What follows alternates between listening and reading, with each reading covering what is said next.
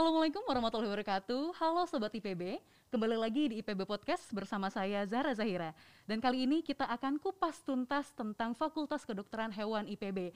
Dan di tengah saya ini, di depan saya sudah ada dua orang yang luar biasa sekali. Di sini ada Prof. Dedi Noviana dari Dekan Fakultas Kedokteran Hewan dan juga Jihan Fadila dari mahasiswa Fakultas Kedokteran Hewan IPB, juga sekaligus Duta Fakultas Kedokteran Hewan ya? Betul. Betul sekali. Gimana kabarnya Bapak, Prof, dan Jihan pada hari ini? Alhamdulillah baik, sehat. Alhamdulillah sehat ya. Alhamdulillah sehat. Sehat. Gimana nih kegiatan selama uh, masa online, masa so- seperti ini? Bagaimana kegiatan sehari-harinya, Prof? Kalau saya karena tugas setiap hari tetap offline. Tetap Tetap tetap ada offline ya, Prof ya. Walaupun online jadi online-nya tetap dari kantor di kampus. Oke, Iya. berarti mengajar sehari-hari Mengajar sehari-hari itu betul. Uh, online, tapi Online. Iya. tetap setiap hari harus ke kantor ke kampus kayak gitu ya, Prof ya. Betul, online-nya jadi dari kampus. Online-nya jadi dari kampus. Kalau Jihan ini mahasiswa, bagaimana nih pembelajaran online-nya? Wah kalau disebut pembelajaran online nih udah selama setahun ya kurang Oke. lebih ya Kak Zahra. Gak ya. kerasa ya? Gak kerasa Gak nih kerasa udah. kita udah Pandeminya setahun. udah anniversary nih. Oke, udah anniversary satu tahun. iya pasti sih aku kuliah dari rumah sih seperti biasa. Dan kalau misalnya keluar sih paling karena ada kegiatan misalnya Oke. kegiatan duta atau Hmm. misalnya nge-MC Oke, atau oke. ada webinar seperti itu sih Kak Zahra. Berarti eh, selebihnya kegiatan apa namanya perkuliahan pure online. Ya, kayak pure gitu ya, online. Pure online. Oke, eh, kita semua di sini mengetahui bahwa FKH ini merupakan salah satu fakultas tertua di IPB ya.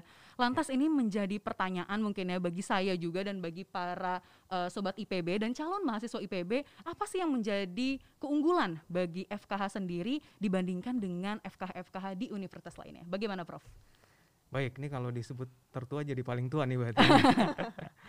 Baik, eh, jadi FKIPB memang eh, salah satu dari perguruan tinggi yang termasuk didirikan pertama ya di IPB selain eh, Faperta, FKH dan sebetulnya bahkan dulu FK sudah ada sebelum tahun 63. 63 ya, Prof sebelum ya? tahun 63. Jadi waktu itu FKIPB kan sebetulnya eh, lahir dari UI. Oke. Lahirnya dari UI, kemudian eh, setelah itu eh, bersama Faperta eh, berdirilah eh, IPB begitu ya. Nah, jadi kalau eh, tertua dari tahun 63 eh, bahkan sebetulnya kalau lihat sejarahnya sebelum UI pun sudah ada pendidikan kedokteran hewan nih di Indonesia begitu Oke. ya. Dalam hal ini di Mhm. Bogor ini. Jadi eh, itulah kira-kira ya ceritanya kenapa disebut tertua. Oke, dan Ya. tertua eh, sekaligus pasti memiliki keunggulan ya, Prof ya. Betul, betul. Kalau dari mata eh, Pak Dekan sendiri, apa sih yang membuat spesial nih FKH IPB Baik. seperti apa, Prof? Kalau kecap kan harus nomor satu ya. Oke. begitu. Baik, eh, jadi kalau indikatornya ter- terbaik gitu ya dari ki- di Indonesia kan ada sistem akreditasi. Iya betul. Jadi akreditasi FKIPB itu satu-satunya FK di Indonesia yang tidak pernah lepas akreditasinya dengan nilai A. Oke, Jadi selalu nilai A sejak sistem akreditasi ada. Kemudian satu-satunya perguruan tinggi di Indonesia yang diakui oleh eh, Malaysia Veterinary Board Council dari Malaysia itu hanya di IPB, hanya di FKIPB. Kemudian yang ketiga, mudah-mudahan tahun ini kita akreditasi internasional dari Eropa. oke. Oke, kita akan men- mencoba mendapatkan itu ya. Amin, Jadi amin. itu kira-kira dari sistem itunya dan tentu yang keempat eh, mahasiswa dari eh, FKIPB ini hampir semua adalah mahasiswa yang terbaik lulusan dari siswa-siswa SMA yang terbaik yang ada di Indonesia. Itu. Luar biasa sekali. Oke, saya beralih nih ke Jihan. Jihan sekarang semester berapa? Semester 6 ini. semester 6 ya. Berarti kalau semester 6 lagi ngapain sih sekarang? Oh, kalau sekarang eh, lagi kuliah sih banyaknya. Cuman em, terbatasnya karena harusnya praktikumnya offline secara Oke. langsung karena ada mata kuliah ya Prof, Ya, kayak betul. radiologi, ilmu bedah yang misalkan harus butuh skill langsung, Mhm. tapinya terbatas karena kita harus online kayak gitu sih. Eh, mungkin aku juga boleh nambahin nih. Boleh, kayak, boleh silakan. eh, buat yang tadi keunggulan. Boleh, boleh keunggulan banget menurut dong. aku FKH karena salah sat- satu-satunya yang memiliki kelas internasional nih Oke. Kak Zara. Betul, kelas internasional. Karena kelas internasional ini menarik Iya, banget sih. Betul. Betul. Menarik sekali. Oke, kalau kita berbicara tentang kelas internasional pasti Mm-mm. ada dong ya Prof sistem pembelajaran nih di Betul. FKH. Kalau di IPB kan kita eh, sistem pembelajarannya seperti biasa ya untuk mendapatkan gelar sarjana 4 tahun. Iya, Tapi betul. kalau di kedokteran hewan kan setelah itu ada mengambil profesi ya atau Betul. koas gitu ya Prof. Itu iya, gimana betul. sih Prof, ini buat teman-teman calon mahasiswa IPB yang nanti mau jadi mahasiswa FKH nih, gimana sih sistem pembelajaran yang Prof berapa tahun nih harus jadi dokter hewan Dokter nih? hewan, Ah, ya. ah, selama Betul. berapa tahun mereka Jangan-jangan ini karena jadi dokter lama gitu Lama. ya. Soalnya takut pada mau nikah cepet soalnya Prof. Enggak ya? Enggak apa-apa juga sih. Gimana Prof? iya, jadi tadi kalau kelas internasional, jadi mahasiswa FKIPB satu tahun 200 orang. Oke. Ada 200 orang, eh, lebih kurang sekitar segitulah ya, plus minus 200. 10 persennya adalah kelas internasional. Jadi lebih kurang berarti sekitar 20 orang ya. Nah kelas internasional ini jadi satu-satunya di IPB yang memiliki kelas internasional dan mahasiswanya betul-betul internasional, bukan hanya dari Internasional, Indonesia. ya. WNA. WNA. Iya. Jadi dan itu sebagian besar memang dari Malaysia, ada dari Brunei dan sebagainya. Nah, jadi itu yang itunya ya. Nah, terus eh, pendidikan di FKIPB eh, 8 semester untuk S1, tambah 3 semester untuk koasisten.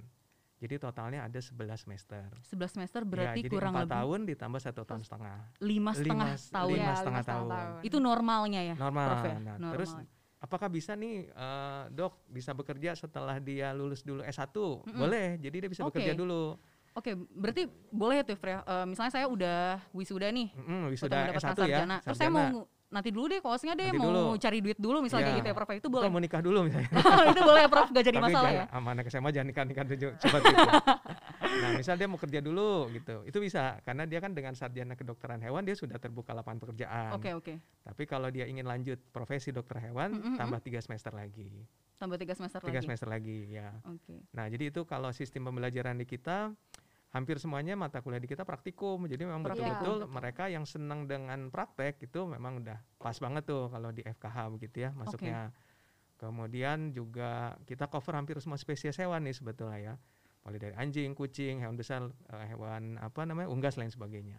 Oke. Nah, jadi itu dari topik-topik dan dari sistem Mm-mm. pembelajarannya ya. Berarti kan eh, kalau saya yang tahu nih ada departemen, pembagian departemen tuh ya, Betul, Prof. betul, Itu iya. gimana sih, Prof? Departemen kan kalau kita tahu, misalnya di fakultas lainnya ada empat departemen kayak gitu kan. Mm. Ya, misalnya Jihan betul. dari departemen A, udah Iya. jadi departemen A. Nah, tapi beda halnya nih kalau nggak salah kalau di FK itu seperti apa, Prof? Ya kalau di FK jadi departemen ada tiga. Mm-mm. Ya ada kita sebut departemen yang ilmu-ilmu dasar kita sebut namanya istilahnya ya, departemen yang preklinik. Oke. Itu di situ nama departemennya anatomi, fisiologi, farmakologi. Itu nama departemennya. Kemudian ada lagi departemen yang klinik. Nah, klinik ini yang benar-benar nih belajar langsung pegang hewan segala macam gitu ya. Nah, di situ namanya klinik reproduksi patologi nama departemennya. Satu lagi kita sebut namanya departemen paraklinik. Paraklinik ini yang penyakit-penyakit hewannya di situ belajarnya. Nah, nama departemennya ilmu penyakit hewan dan kesehatan masyarakat veteriner.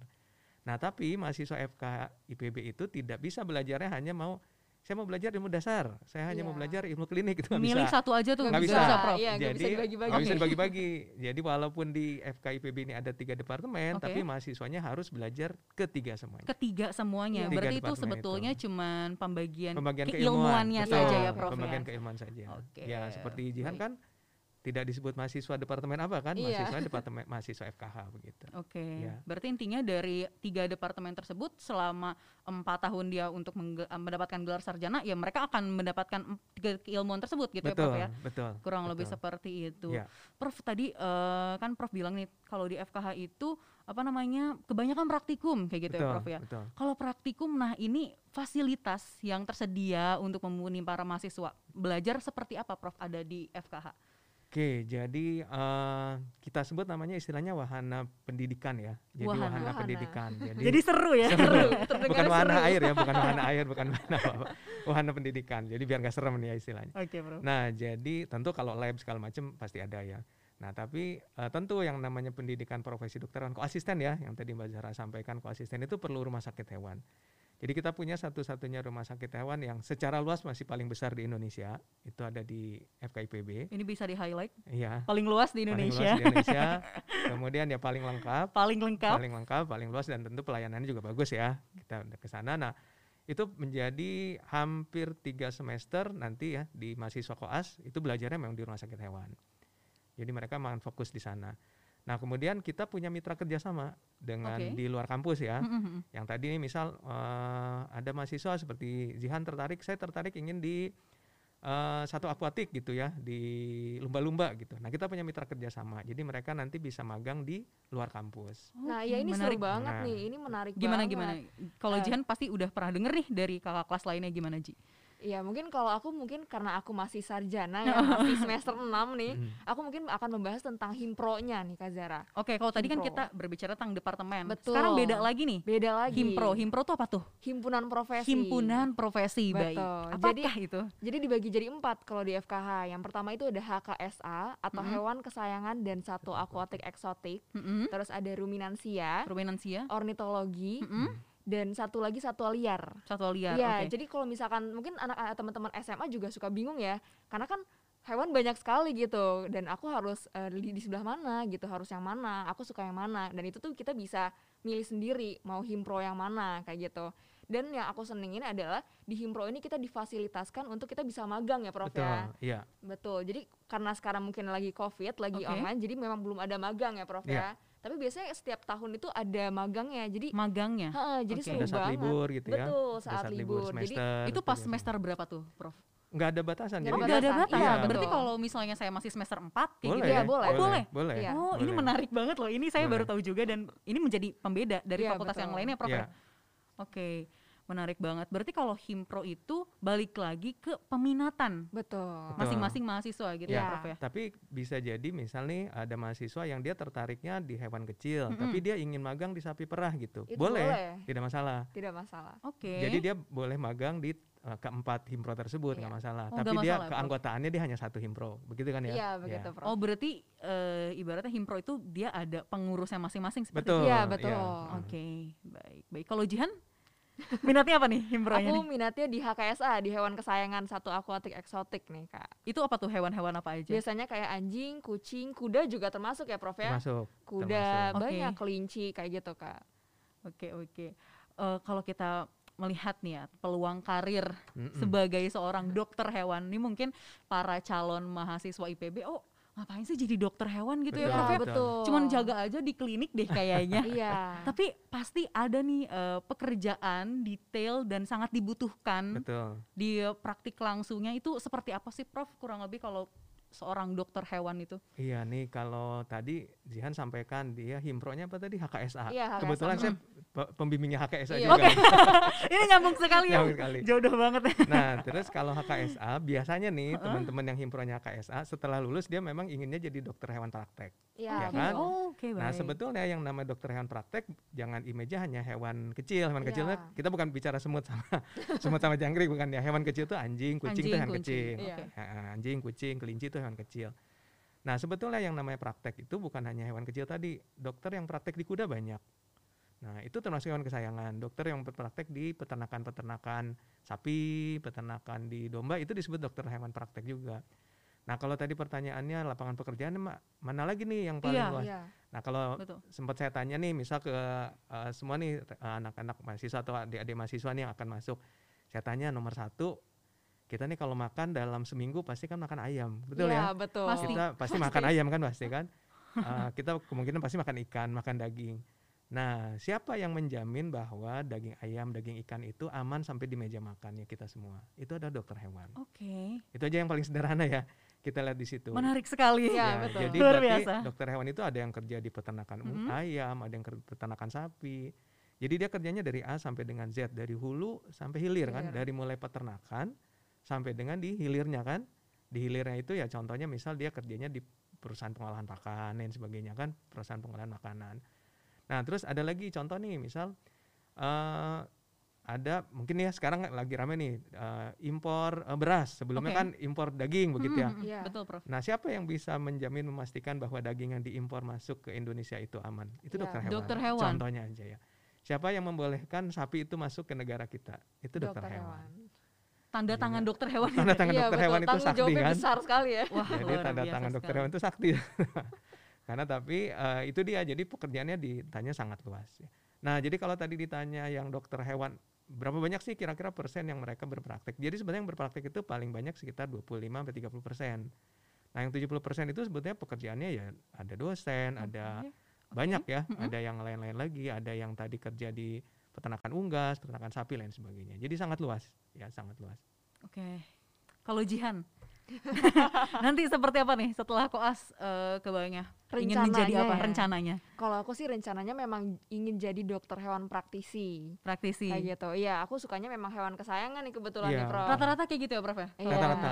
Oke. Tapi aku emang lebih pengen ke bisnisnya mungkin. Jadi aku Mau pengen jadi pengusaha kayaknya, Iya, pengusaha. amin amin ya, Atau Prof. Amin. klinik jadi.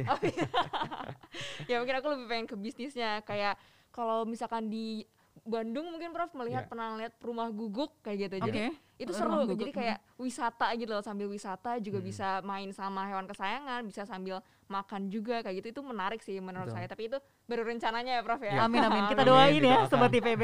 Amin. amin amin amin. Oke Prof, kalau misalnya para mahasiswa koas nih ya, Betul. itu kan eh, berarti tiga semester. Nah sebetulnya mereka setelah eh, mendapatkan gelar Mhm. menjadi dokter hewan, apakah mereka dijamin akan langsung mendapatkan pekerjaan? Nah ini dia Waduh. berat ya berat. yang menjamin ini kan yang menciptakan kita nih. Iya. Tapi kalau ditanya, eh, jadi saya sampaikan fakta aja ya, yang Fakta. ada ya. Jadi tadi setelah mereka lulus 8 semester kan mereka gelarnya SKH, Sarjana Kedokteran Hewan. Sarjana Ya, kedokteran hewan. pekerjaan mereka juga udah luas di sana ya. Eh, di lembaga-lembaga penelitian lain sebagainya udah bisa bekerja di sana. Setelah itu mereka tiga semester kan ya, Mbak Zara. Setelah tiga semester gelarnya jadi dokter hewan. Jadi SKH-nya dicopot aja, jadi kan gelarnya udah jadi Oke. dokter hewan. Iya. Nah, eh, ini disampaikan aja. Jadi FK di Indonesia ini kan hanya 11 di seluruh Indonesia. Sebelas. Hanya ada 11 di seluruh ada Indonesia ya. Wow. Di Sumatera hanya ada satu Syah Kuala. Di Pulau Jawa agak rame nih ya. Ada Gajah Mada, ada Unair, ada IPB. Nah, dari 11 itu rata-rata kita tuh menghasilkan hanya sekitar 100 ma- lulusan per tahun untuk eh, tapi kalau IPB 200 orang ya, tapi da- eh, rata-rataan dari seluruh FKH di Indonesia itu hanya menghasilkan sekitar 1.100 sampai dengan 1.300 Per tahun. Per gitu ya? tahun, tahun. per tahun. Padahal yang diperlukan dokter hewan setahun itu sekitar 5.000. Wow. Jadi artinya dalam setahun itu kan selalu Selalu kurang. selalu sebetulnya, kurang, Prof. Iya, ya. selalu betul. kurang. Jadi eh, karena memang mendidik seorang dokter hewan itu sama dengan mendidik seorang yang berprofesi dokter sebetulnya. Jadi memang tidak bisa banyak jumlahnya. Eh, Kadang-kadang kalau kuliah bisa bareng-bareng banyak, tapi kalau Oke. praktikum itu kan terbatas tempat lain sebagainya. Nah jadi kalau ditanya peluang dia bekerja sangat besar, begitu ya?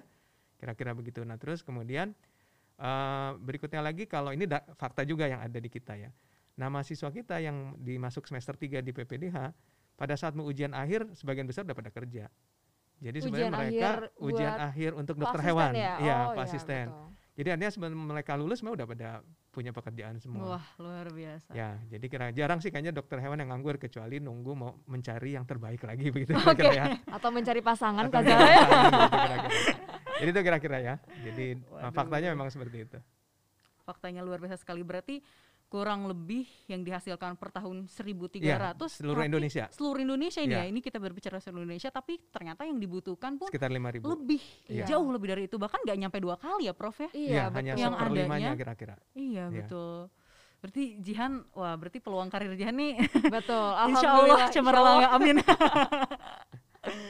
Luar biasa. Oke, eh, Prof Denny dan juga Jihan, ini tentunya kita berbincang ini sudah panjang sekali Mm-mm. dan ini menarik banget sih buat teman-teman SMA banyak banget insight, highlight yang eh, info-info terbaru terkini yang bisa didapatkan teman-teman SMA. Tapi boleh dong untuk closing statement Mm-mm. promosikan FKH nih untuk teman-teman SMA bisa masuk ke FKH IPB. Mangga Prof. Mangga, Prof. Baik, eh, jadi gini, eh, nomor satu tentu dari eh, apa?